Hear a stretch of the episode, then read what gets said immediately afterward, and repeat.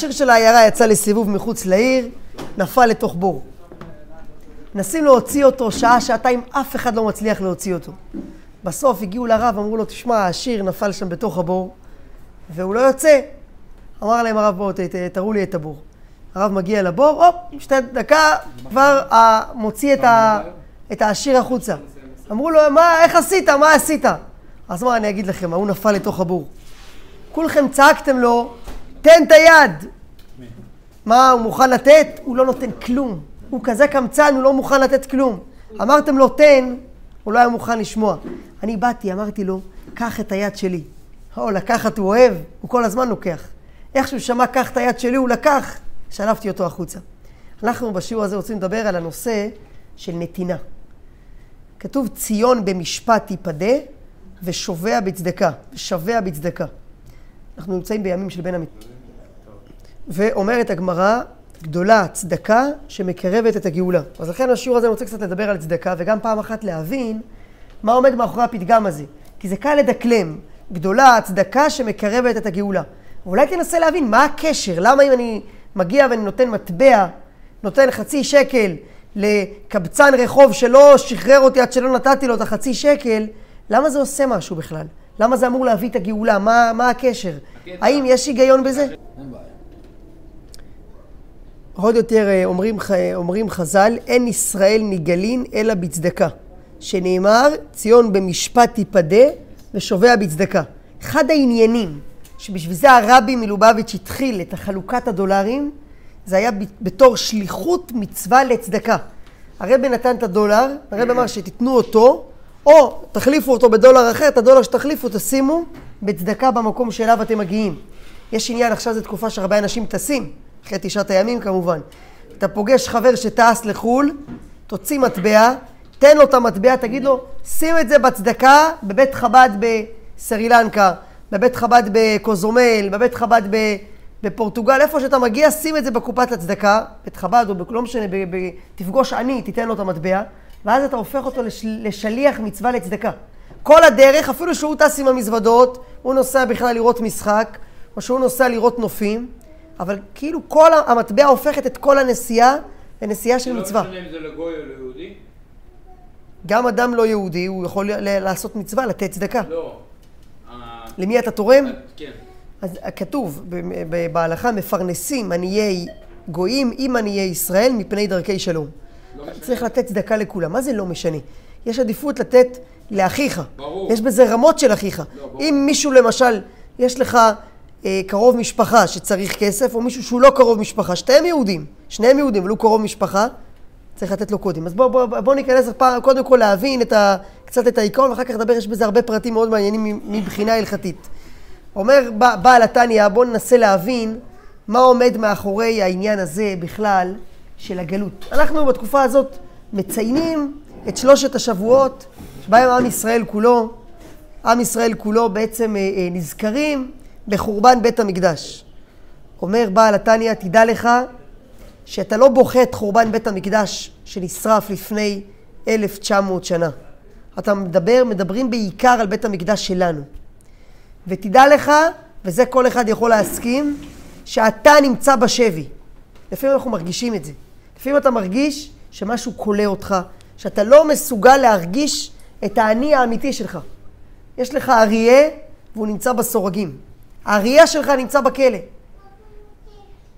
מה, מה זאת אומרת שיש לך אריה? מה, מה נמצא בכלא?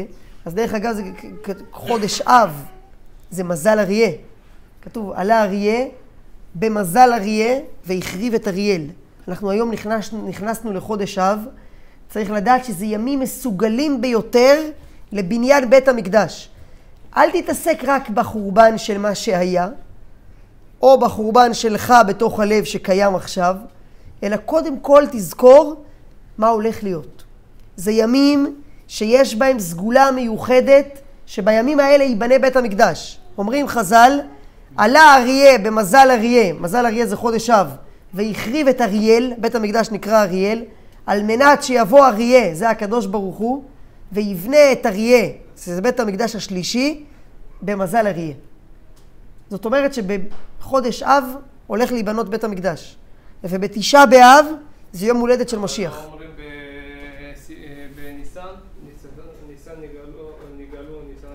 לא, נכון, יש בזה כמה, יש בזה מה שנקרא כמה עניינים, אבל משיח יבוא היום ויתרץ לנו את כל ה... יסביר לנו גם את המאמר חז"ל הזה, שבניסן יגאלו, בתשרי עתידים להיגאלו, בניסן עתידים להיגאל, אבל בכל אופן כתוב שבניין בית המקדש יהיה בחודש אב. זאת אומרת, זה ימים מסוגלים, כל יום יכול להיבנות בית המקדש, כל יום יכול לבוא משיח. אבל דווקא הימים האלה זה ימים שהם הכי, הכי מסוגלים, הכי ראויים לבניין בית המקדש. רק המשיח יבנה בית המקדש? ולא מי? לא, לא, ולא כל אחד. בכלל, על פי... יהודה, משיח זה מנהיג. יהודה, אתה שאלת לא, שאלה מאוד חשובה. הוא מנהיג פשוט, נגיד. יש מחלוקת מי בונה. עכשיו ביבי אומר, לא מעניין אותי... לא, בית מקדש זה משהו שמימי. אף אדם לא יוכל לבנות אותו בלי שזה יהיה אוקיי מלמעלה. כן, זה כתוב, הרמב"ם אומר את זה מפורש, זה רמב"ם מפורש. אוקיי, אז הרמב"ם אומר שמשיח יהיה חכם יותר משלמה, ונביא קרוב למשה רבנו, וכל העולם ירצו להיות כפופים אליו. הוא יהיה כל כך חכם, שכולם ירצו להתחבר איתו, אף אחד לא ירצו ללכת, ללכת נגדו. כל העולם יבין את החוכמה, את הגדלות שלו, את הדרך המיוחדת שלו. והוא גם יהיה נביא גדול, ויש מחלוקת. על פי פשט יש מחלוקת בין רש"י והתוספות לבין הרמב"ם, מי בונה את בית המקדש. רש"י כותב, ב, אם אני לא טועה, מסכת סוכה, שבית המקדש ירד מוכן משמיים. ירד משמיים ואנחנו נוכל ליהנות ממנו ככה. הרמב"ם פוסק שמלך המשיח בונה את בית המקדש. מסביר הרבי שאין מחלוקת ביניהם. גם הרמב"ם מסכים ש... מבנה. רש"י כותב... ש... רש"י כותב שמלך המשיח... אה, אה, אה, סליחה, הוא לא, לא מדבר על מלך המשיח. רש"י כותב שבית המקדש כבר עכשיו בנוי ומשוכלל למעלה, בשמיים, וכשיבוא הזמן, יגלה וירד משמיים מוכן, קומפלט. היום, דרך אגב, היום בבנייה משתמשים הרבה ב...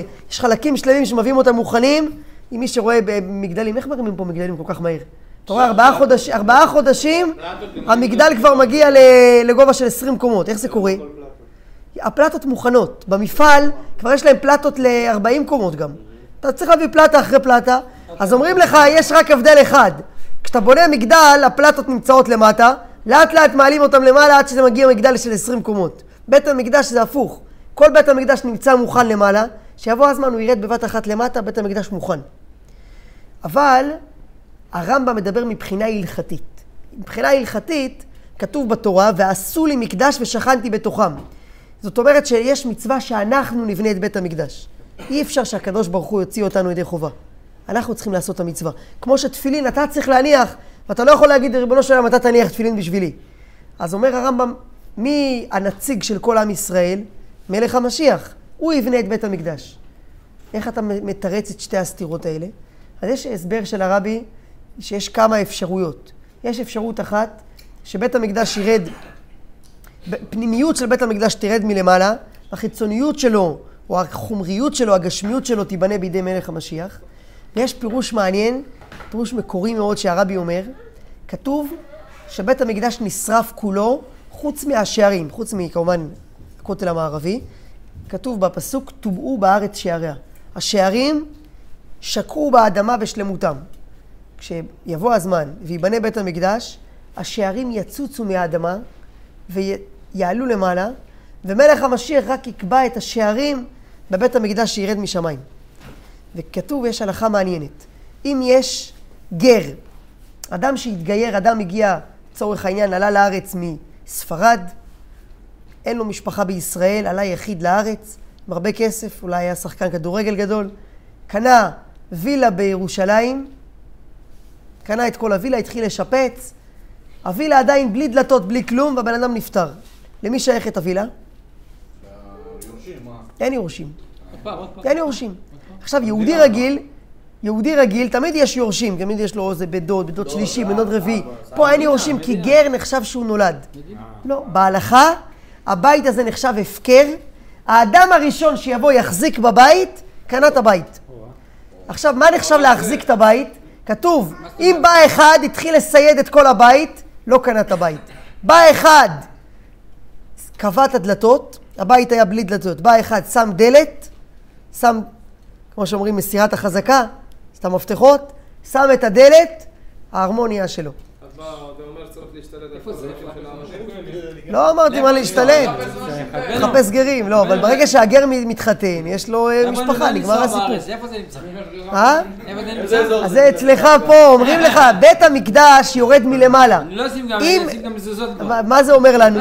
ברגע שמלך המשיח, ברגע שמלך המשיח שם את השערים, זה נחשב שהוא בנה את כל הבית. לכן השערים מחשיבים את כל הדבר, כי בית בלי דלתות, אתה לא יכול לגור בו. הדלת היא נותנת לך את ה... אם מה?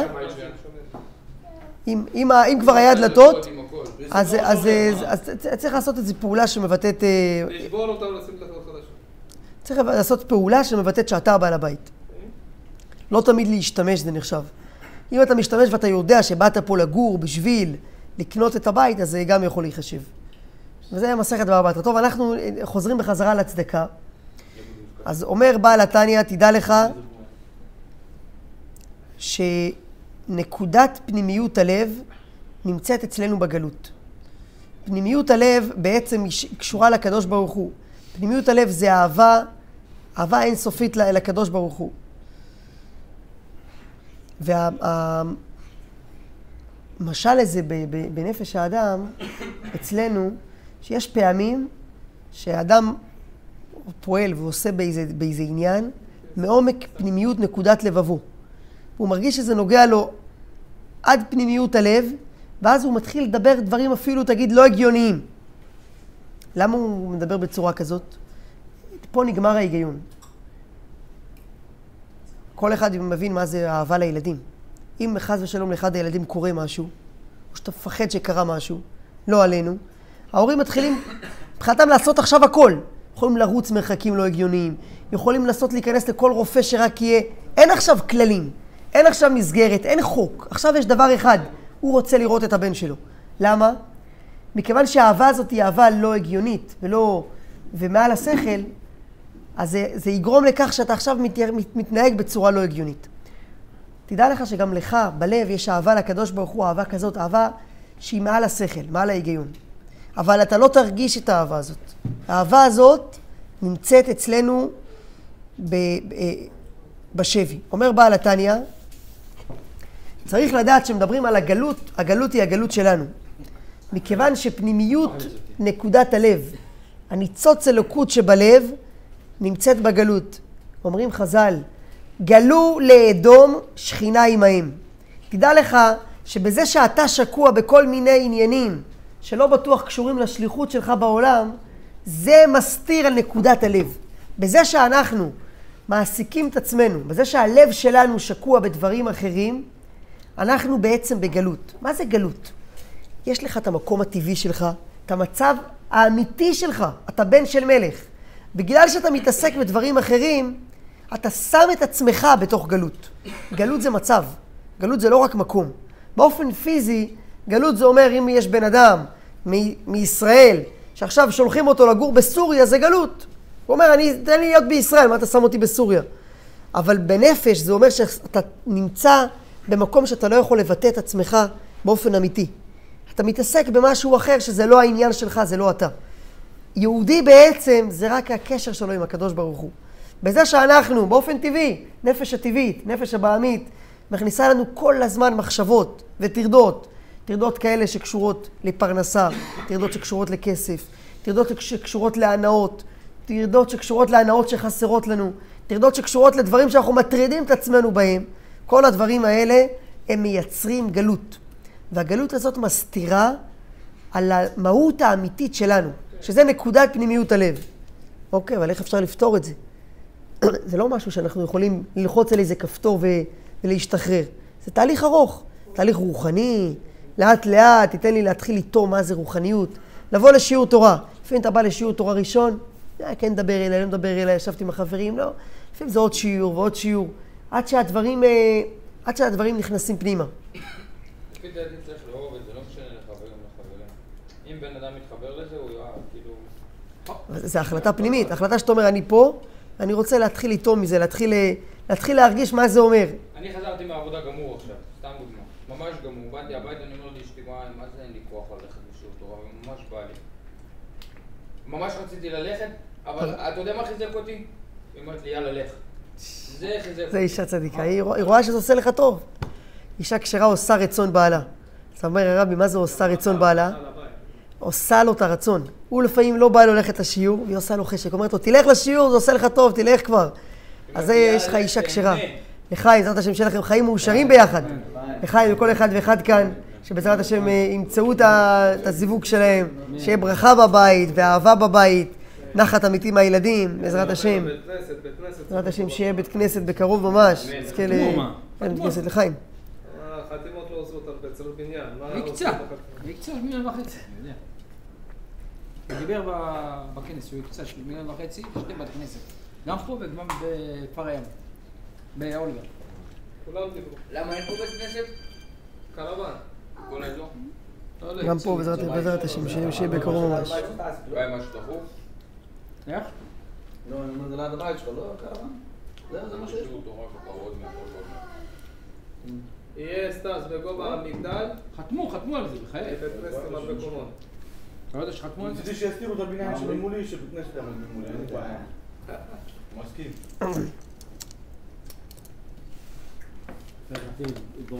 בגובה הבניין. נורא פשוט. של חב"ד. לא, של חב"ד. אומר, אומר בה, אנחנו קשורים עם הרבי, הרבי, ש, הרבי של כולם, הרבי של כל עם ישראל, הרבי מלובביץ'. אז בואו אני אספר לך סיפור, סיפור על הרבי בנוגע לצדקה, ואז אנחנו, אה, מה שנקרא, ניכנס פנימה. יש אה, אה, מרצה חבדי, מאוד מוכר בארצות הברית, הוא מדבר באנגלית, בארץ פחות מוכר, קוראים לו הרב שוחט. הזמינו אותו פעם לדבר בפני סוג של סטודנטים לכמורה, פרחי כמורה. אולי עדיין ללכת, הרבי נתן לו ברכה שילך. והוא עמד שם בפניהם, והוא החליט שהוא יספר להם את הסיפור הבא. הוא סיפר להם את הסיפ... את הסיפור של ישראל גוי קדוש. מה היה הסיפור? בקצרה הייתה עיירה. בעיירה היו שלושה עסקים. היה אטליז שמוכר בשר, היה מאפייה, היה את הנחתום, את הרופא שמוכר את הלחם, והיה ירקן שמוכר מוכר ירקות. אבל היה איש אחד מאוד מאוד עשיר בעיירה, היו לו עסקים, תחומים אחרים, ומעולם הוא לא תרם שקל לאף אחד. כולם מאוד שנאו אותו, כי האנשים בעיירה הזאת היו עניים, אף אחד לא סגר את החודש, וכולם קיוו שקצת יעזור להם, ואף פעם הוא לא היה עוזר. היית פוגש אותו ברחוב, מבקש ממנו נדבה, הוא לא היה מסתכל עליך אפילו. אומר, מה, מה פתאום, כסף שעבדתי עליו קשה, הוא היה חי בבית יפה בסוף העיירה, כולם היו מבזים אותו, קראו לו ישראל, כולם היו קוראים לו ישראל גוי. ישראל הגוי. וככה הגיע יומו האחרון, הוא קרא לחברה קדישא, הוא אמר לה שהוא מרגיש שיומו קרב. קברו אותו, לוויה קטנה, אף אחד כמעט לא הגיע ללוויה, ועד כדי כך כעסו עליו, שעל המצבה שלו כתבו, פה נטמן, ישראל הגוי. טוב, זה כבר היה כבר הגזמה, אבל אולי אמרו למען יראו וייראו. יום שישי, רעש, המולה בשוק, צעקות, מתחיל, כמעט מתחילה תגרה בין הסוחרים לבין הלקוחות. עד, עד שאמרו לרב, אתה צריך להגיע לשוק, יש בלאגן. הרב מגיע, הוא שומע במאפייה שהנחתום עומד בכניסה למאפייה, הוא אומר, אין חלות לאף אחד, מי שלא מביא, מי שלא בא עם רובל ביד, שלא יבוא למאפייה. טוב, הרב אומר, מה קרה? הוא אומר, אנשים לא יכולים ככה, הם מגיעים בהקפה, רוצים חלות, מי שישלם יקבל. הרב שומע מאחוריו עוד פעם צעקות, הוא מסתובב, הוא רואה באטליז, בעל האטליז עומד, אומר, מי שלא אה, בא עם כסף, שלא ייקח בשר. טוב, הוא רואה ב- ב- בירקן גם את אותם צעקות.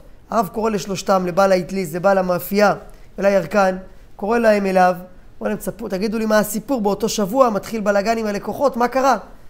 פה סגור. אומר להם, הרב, תספרו לי מה קרה. אמרו, נשבענו שלא נספר. מכירים את הסיפור. מה אמרו לו אותם, אותם הסוחרים? זוכר את ישראל? הוא היה מגיע פה כל שבוע, משאיר צ'ק, מכסה לכל הלקוחות את, ה, את הקניות. כל האנשים בעיירה היו לוקחים בשר, לוקחים חלות, לוקחים ירקות, רושמים, אף פעם לא באו לשלם, לא היה להם כסף בשביל אה, לשלם חשבונות בבית, או מה שהיה באותם ימים, איפה לשלם בחנות. הוא היה מגיע, משלם עליהם כל שבוע. שבוע, השבוע הוא נפטר, מי ישלם שבוע הבא? אנחנו לא יכולים לתת. הרב התחיל לבכות. הרב אומר, כזה איש צדיק היה אצלנו, ואני לא מחיתי בהתנהגות.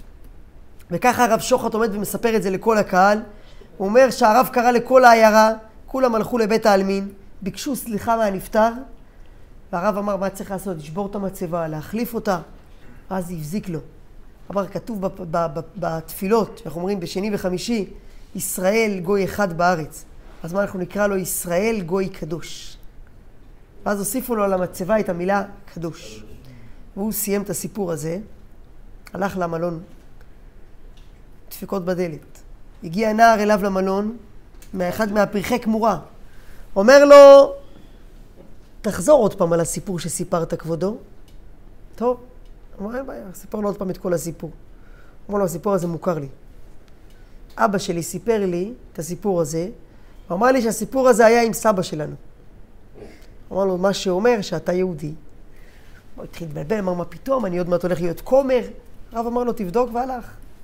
אחרי עשרים שנה הוא בא לארץ, לכותל, ניגש אליו אדם עם זקן גדול, נתן לו חיבוק, אמר לו, הרב שוחט, זה הכל בזכותך. אמר לו, לא יודע מי אתה, מה, אני לא מכיר אותך, לא מזהה אותך, היה לו הרבה הרצאות, אומר, אולי באחת ההרצאות. הוא אמר, אתה זוכר פעם נתת הרצאה באיזה אה, מפגש עם אה, פרחי כמורה? מישהו הגיע אליך לחדר? זה הייתי אני. אבל בכל אופן, לצדקה אנחנו יודעים שיש כוח מאוד גדול. כשאתה נותן צדקה, אתה יוצא מהמגבלה שלך כנברא, כאחד שרק רוצה לקבל, אתה נהיה כביכול שותף לקדוש ברוך הוא, להשפיע ולתת למישהו אחר. כשאתה נותן צדקה, אתה מתרומם, אתה נהפך להיות בנו של אברהם אבינו. שאברהם אבינו כתוב, ידעתיו למען אשר יצווה את בניו אחריו, ושמרו דרך השם מה?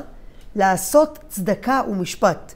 ודרך אגב, גם בהפטרה שמיד אחרי, אה, אה, אה, סליחה, בהפטרת השבוע אנחנו נקרא ציון במשפט תיפדה ושובע בצדקה. כתוב משל למלך שלקח כלה והביא לה שני תכשיטים. והכלה הביאה שני תכשיטים. הכלה איבדה את שתי התכשיטים, המלך אמר תביא בחזרה את שתי התכשיטים שלי. הכלה התאמצה והשיגה בחזרה שתי תכשיטים, המלך החזיר לה את שתי התכשיטים. ככה כתוב במדרש, שתי התכשיטים שעם ישראל מביאים זה משפט וצדקה. והקדוש ברוך הוא כנגד זה נותן לנו חסד ורחמים. לכן כתוב שמה, חסדי מאיתך לא ימוש, אמר מרחמך השם. אבל אני רוצה הפעם אחת ולתמיד להבין, למה? למה בזה שאתה הולך ואתה נותן כסף למישהו אחר, אתה פועל איזה משהו גדול? הבנתי שלתת כסף זה דבר קשה. הבנתי שלתת כסף, כתוב על זה הרבה סגולות. כתוב צדקה תציל ממוות, הסיפור של הבת של רבי עקיבא ביום החתונה, שהיא הרגה את הנחש בסיכה של הראש שלה, בלי לדעת בכלל. הסיפור הידוע עם... אה, אה, מה שעכשיו סיפרנו עם ישראל גוי. מאמר, יש הרבה מאמרי חז"ל שצדקה מכפרת, צדקה שקולה כנגד כל הקורבנות, אבל מה באמת המשמעות של נתינה לצדקה? אומר בעל התניא, תדע לך שזה הסוד של כל העולם. אתה יודע, כל החיים, כתוב ב, ב, בספרים הקדושים, שבכל דבר שאנחנו באים איתו במגע, יש בו ניצוץ אלוקי.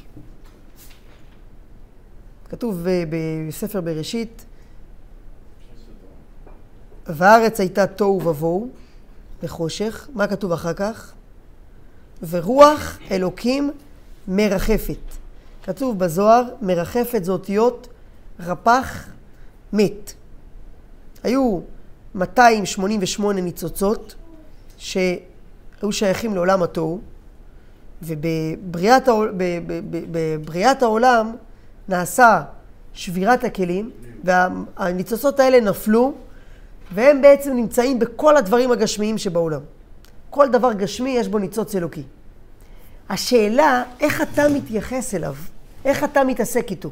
כל דבר שאתה מתעסק איתו, אם זה עסק שיש לך, אם זה מכונית שקנית, אם זה הדירה שלך, אם זה טיול ואתה מקבל אה, סדין ב, על, שנמצא על המזרון בחדר במלון שאתה נמצא בו סך הכל ללילה, כל דבר גשמי, יש בו כוח אלוקי. אם לא היה בו כוח אלוקי, הוא לא היה קיים. כי האמת היחידה בעולם זה האמת האלוקית. בכל דבר צריך להיות קצת אמת. בכל דבר יש איזה ניצוץ אלוקי. ואתה, כיהודי, יש לך כוח לברר את זה ולהעלות את זה. עכשיו, אומר בעל התניא במקום אחר, הוא מסביר את זה. שכל דבר שאתה עושה, אתה מעלה דבר אחד. נגיד, לצורך העניין, אנחנו עכשיו יושבים, עושים שיעור תורה. מה אנחנו מעלים לקדושה? אנחנו מעלים לקדושה את השתייה שמוגשת כאן על השולחן, וזה הזמן להגיד שהשיעור הזה לעילוי נשמת האישה הצנועה והחסודה מסעודה בת חיים, שהיום פקידת שנתה, שהבן שלה זכה להביא ככה את, את הכיבוד ולהשקיע. הנכד שלה, סליחה, הנכד שלה. ו... זה עוד חודש. ושהשיעור יהיה גם להצלחת בעל הבית. אז גם השולחן, וגם השתייה, וגם המפה, וגם הרכבים. איך הגעתם לכאן? חדרה כולם מגיעים עם רכבים, לא משנה אם זה יהיה שתי מטר מכאן, מגיעים עם רכבים. סטס, איך הגעת לכאן? מה? סטס גר פה, שתי בניינים ממול, הוא בא לפה ברכב, אבל תשמע, מה קרה? עכשיו הרכב עלה לקדושה. במקום שזה יהיה רכב שלוקח, סתם לוקח אה, אנשים לים, או רכב שהולך להפיץ בקבוקי קולה, או לא יודע מה, זה נהיה רכב, זה לא אמרתי, זה נהיה רכב שלוקח את הבעל הבית לשיעור תורה, ומביא אותו עם המזגן בשביל שיבוא באווירה טובה, מה יותר טוב מזה? זאת אומרת, גם הרכב עולה לקדושה. אבל כמה אתה מעלה? תחשבו רגע כמה אתה מעלה, זה מוגבל. כאשר אתה מכניס את היד לכיס, שימו לב, ואתה מוציא מטבע של חצי שקל סך הכל, ושם את זה ביד של אישה נזקקת, שהיא צריכה את הכסף הזה בשביל להשלים לכסף לקנות איזו תרופה, או לקנות חלב לילדים בבית, תדע לך שבכסף הזה אין לך מושג כמה אתה מעלה. אתה יודע למה? הכסף הזה הוא חלק מתוך ההכנסות שלך. לא משנה כמה נתת, גם אם נתת עכשיו חצי שקל, כמה אתה, כמה הרווחת? כמה שהרווחת. איך השגת את הכסף? בשביל להשיג את הכסף, למה אומרים מעשר סתם? אתה, או, זה ברור שצריך לתת מעשר. ואני אומר, בכלל, הנתינה הזאת לצדקה מעלה. כתוב שהמעשר מעלה, כתוב בתורה שהעשר, עשר תעשר. המעשר מעלה את כל מה, שנת, את כל מה שהרווחת. למה? מעשר אותו ב- עובד הקדוש יש ברוך הוא. 17 אחוז מע"מ, יש 25 אבל זה הברכה, זה הברכה הכי גדולה. עכשיו בוא תשמע. ברגע שאתה נותן את המעשר לצדקה, או שבכלל אתה מגיע ואתה נותן צדקה מיגיע כפיך, בכסף הזה נמצא התמצית של הדם שלך. כי לפעמים אתה עובד, באת לעבודה בשמונה בבוקר, פתחת, התחלת להדליק את מה שצריך להדליק, ולפעמים עד חמש עוד לא הספקת להכניס משהו לפה. למה? כי אתה עובד. ועד שבע, אתה אומר לה, מתקשר לאשתך, אתה אומר לה, אני בא גמור הביתה, לא הכנסתי כלום לפה מהבוקר. ולפעמים אתה נמצא בעבודה, ואתה במשא ומתן עם איזה חברה, לפעמים מגיעה איזה חברה גדולה של, אה, אני יודע מה, של אה, סוכנות רכב, אומרים לך בוא נסגור דיל, ואתה מגיע במשא ומתן, אתה לא מגיע בתור יהודה עייף, אתה מגיע כמו כריש, אתה רוצה לבדוק שאתה, שהעסקה יוצאת טוב, אתה משקיע את כל השכל שלך שם, אתה משקיע מחשבה, אתה משקיע אנרגיה, אתה לפעמים בלילה, 12-1 בלילה, אתה צריך לשבת, אני לא יודע מה, עם יועץ עסקי או בעצמך מתכנן דברים. בן אדם, בכסף שלו, הוא שם את תמצית נקודת לבבו. הרבה פעמים. אומר בעל התניא, לא יימלט, ש- שבשביל להרוויח, אתה משקיע כוחות ואנרגיות עצומים, וזמן בלי גבול. ובשביל להגיע לה, בסופו של דבר ל, ל, ל, ל, לכסף הזה. ודרך אגב, גם אם קיבלת את הכסף בלי הרבה מאמץ, ואדם מקבל מאבא שלו, בכל אופן, בכסף הוא יכל לקנות דברים בשביל לאכול, בשביל להשביע את נפשו. אבל בפרט אם הכסף הגיע לו ביגיעה, ואתה הולך ואתה נותן משהו מזה לעני, אתה לא מבין כמה אתה פועל. אתה עכשיו מעלה את כל המאמץ שלך, את תמצית הדם שלך עכשיו, אתה פודה משחת. אומר בעל התניא, זה כמו לעשות ברית מילה רוחנית, לא פחות. כמו לעשות ברית מילה רוחנית לנשמה. הנשמה גם כן יש איזו עורלה שחופפת אותה, שמסתירה עליה. כתוב, ומל השם אלוקיך את לבבך. ולכן זה גם נקרא, יש מילה ופרייה. מילה זה כתוב עורלה הגסה, ופרייה זה עורלה הדקה. פרייה זה גם כמו פריית חוב. כאשר אתה נותן צדקה, אל תרגיש שאתה עושה טובה למישהו. אתה לא עושה טובה לאף אחד. עושים איתך חסד שיש לך הזדמנות לתת צדקה. תדע לך שהקדוש ברוך הוא יכל לנהל את העולם בצורה כזאת שלא יהיה צדקה. הקדוש ברוך הוא יכל לעשות, כמו שכל חתולת רחוב בסוף, בסוף מוצאת את המים שלה ואת האוכל שלה, בורא עולם יכל לעשות בצורה מסודרת שכולם היה להם הכול. שגם היית רוצה לתת, לא היה לך למי לתת. יכל לעשות את זה? ברור. היפלא מהשם דבר. דוד המלך שואל את זה. דוד המלך, אה, איך השם שלך? שמעון, אתה שומע שמעון? דוד המלך אומר בתהילים, ישב עולם לפני אלוקים. הוא אומר, ריבונו של עולם, אולי תושיב את כולנו שווים. תן לכולנו, תסדר את כולם בחיים. אתה יודע, יש לפעמים אומרים, תשמע, הוא יושב טוב. אה? הוא מסודר, הוא יש לו שתי בתים בקיסריה. אומר דוד המלך, ישב עולם לפני אלוקים, אולי תושיב את כולם טוב. שכולם ישבו טוב. למה יש אחד למעלה, יש אחד למטה?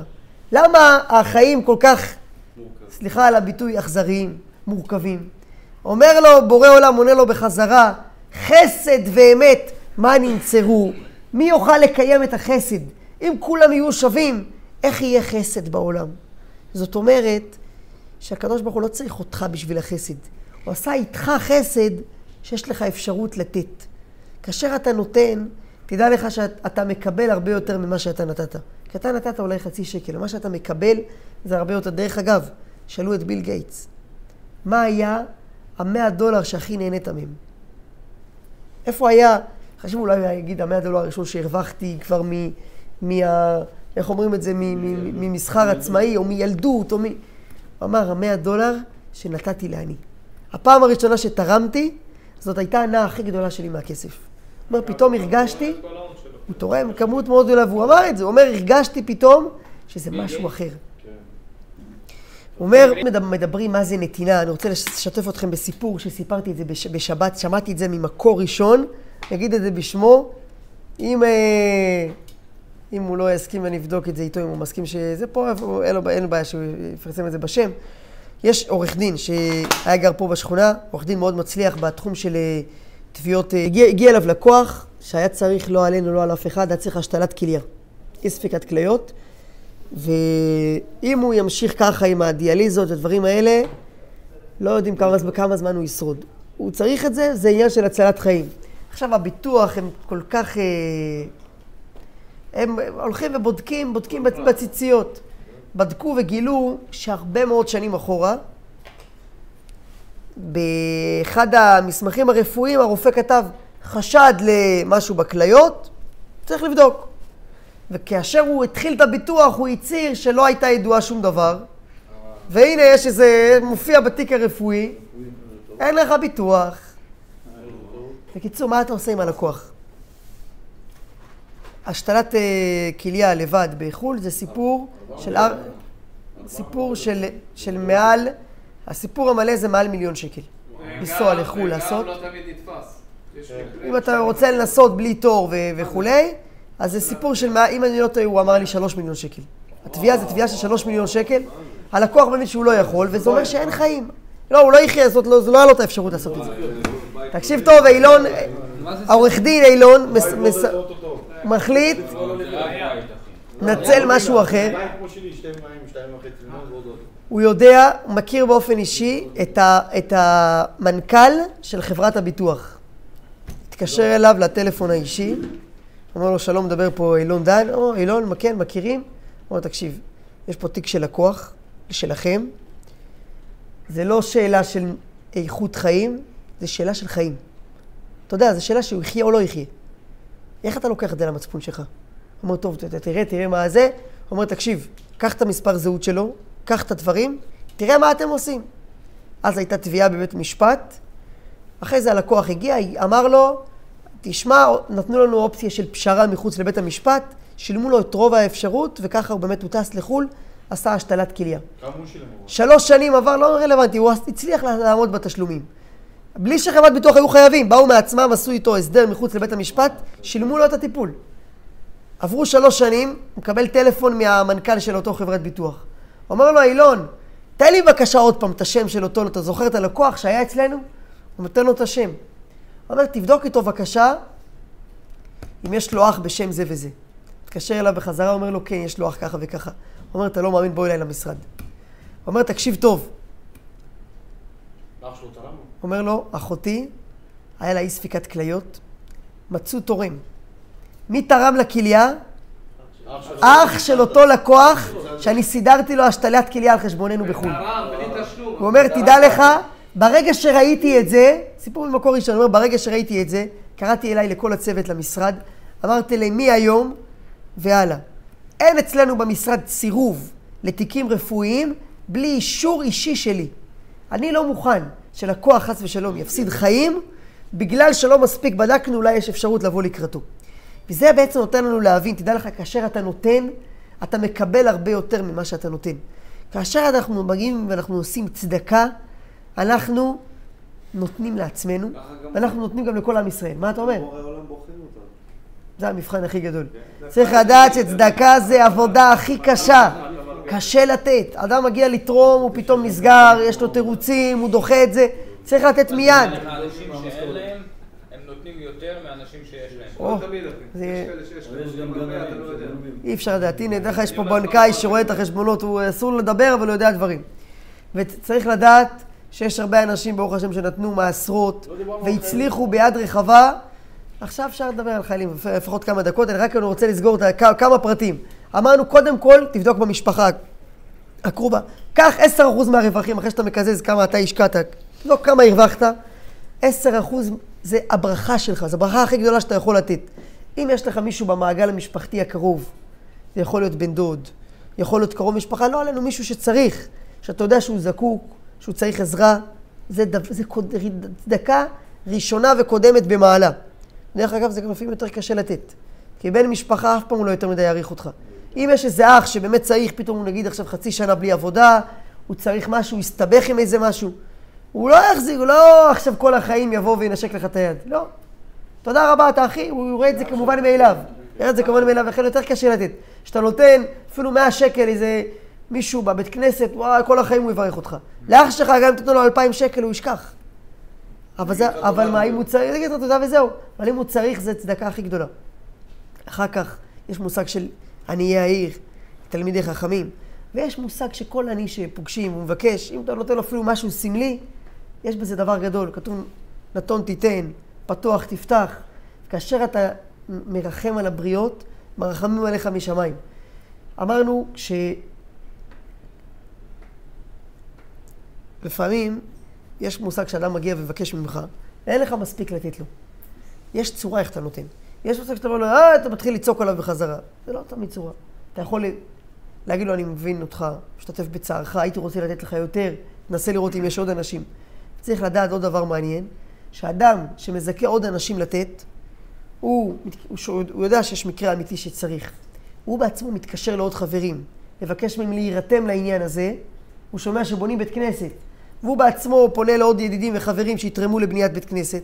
הוא שומע שיש, לא עלינו, חולה שצריך הנה השתיית כליה, צריך איזה טיפול רפואי, והוא עוזר, הוא לא יכול לבד עכשיו להוציא מיליון שקל, אבל הוא אומר, בואו ננסה להביא מכמה חברים, להטיס אותו לחו"ל, להציל אותו. גדול המעשה יותר מן העושה. כשאתה עוזר לו להביא את הצדקה מעוד אנשים, זה נחשב לך זכות יותר גדולה אפילו מלתרום בעצמך. ויש הבטחה שהדבר היחיד בתורה שמותר לנו לנסות את הקדוש ברוך הוא, זה עניין של הצדקה. כתוב, ובחנוני נא בזאת. אמר אלוקיכם, אם אתה נותן מעשר, אתה תת- תתעשר. אם אדם מקפיד על העניין הזה של המעשר, הוא יראה בזה ברכה גדולה מאוד. אז זה הדבר שמותר לנו לב- לבחון את הקדוש ברוך הוא, וזה הגדולה צדקה שמקרבת את הגאולה, שנזכה בעזרת השם ציון במשפט תיפדה ושובע בצדקה. אפשר לתת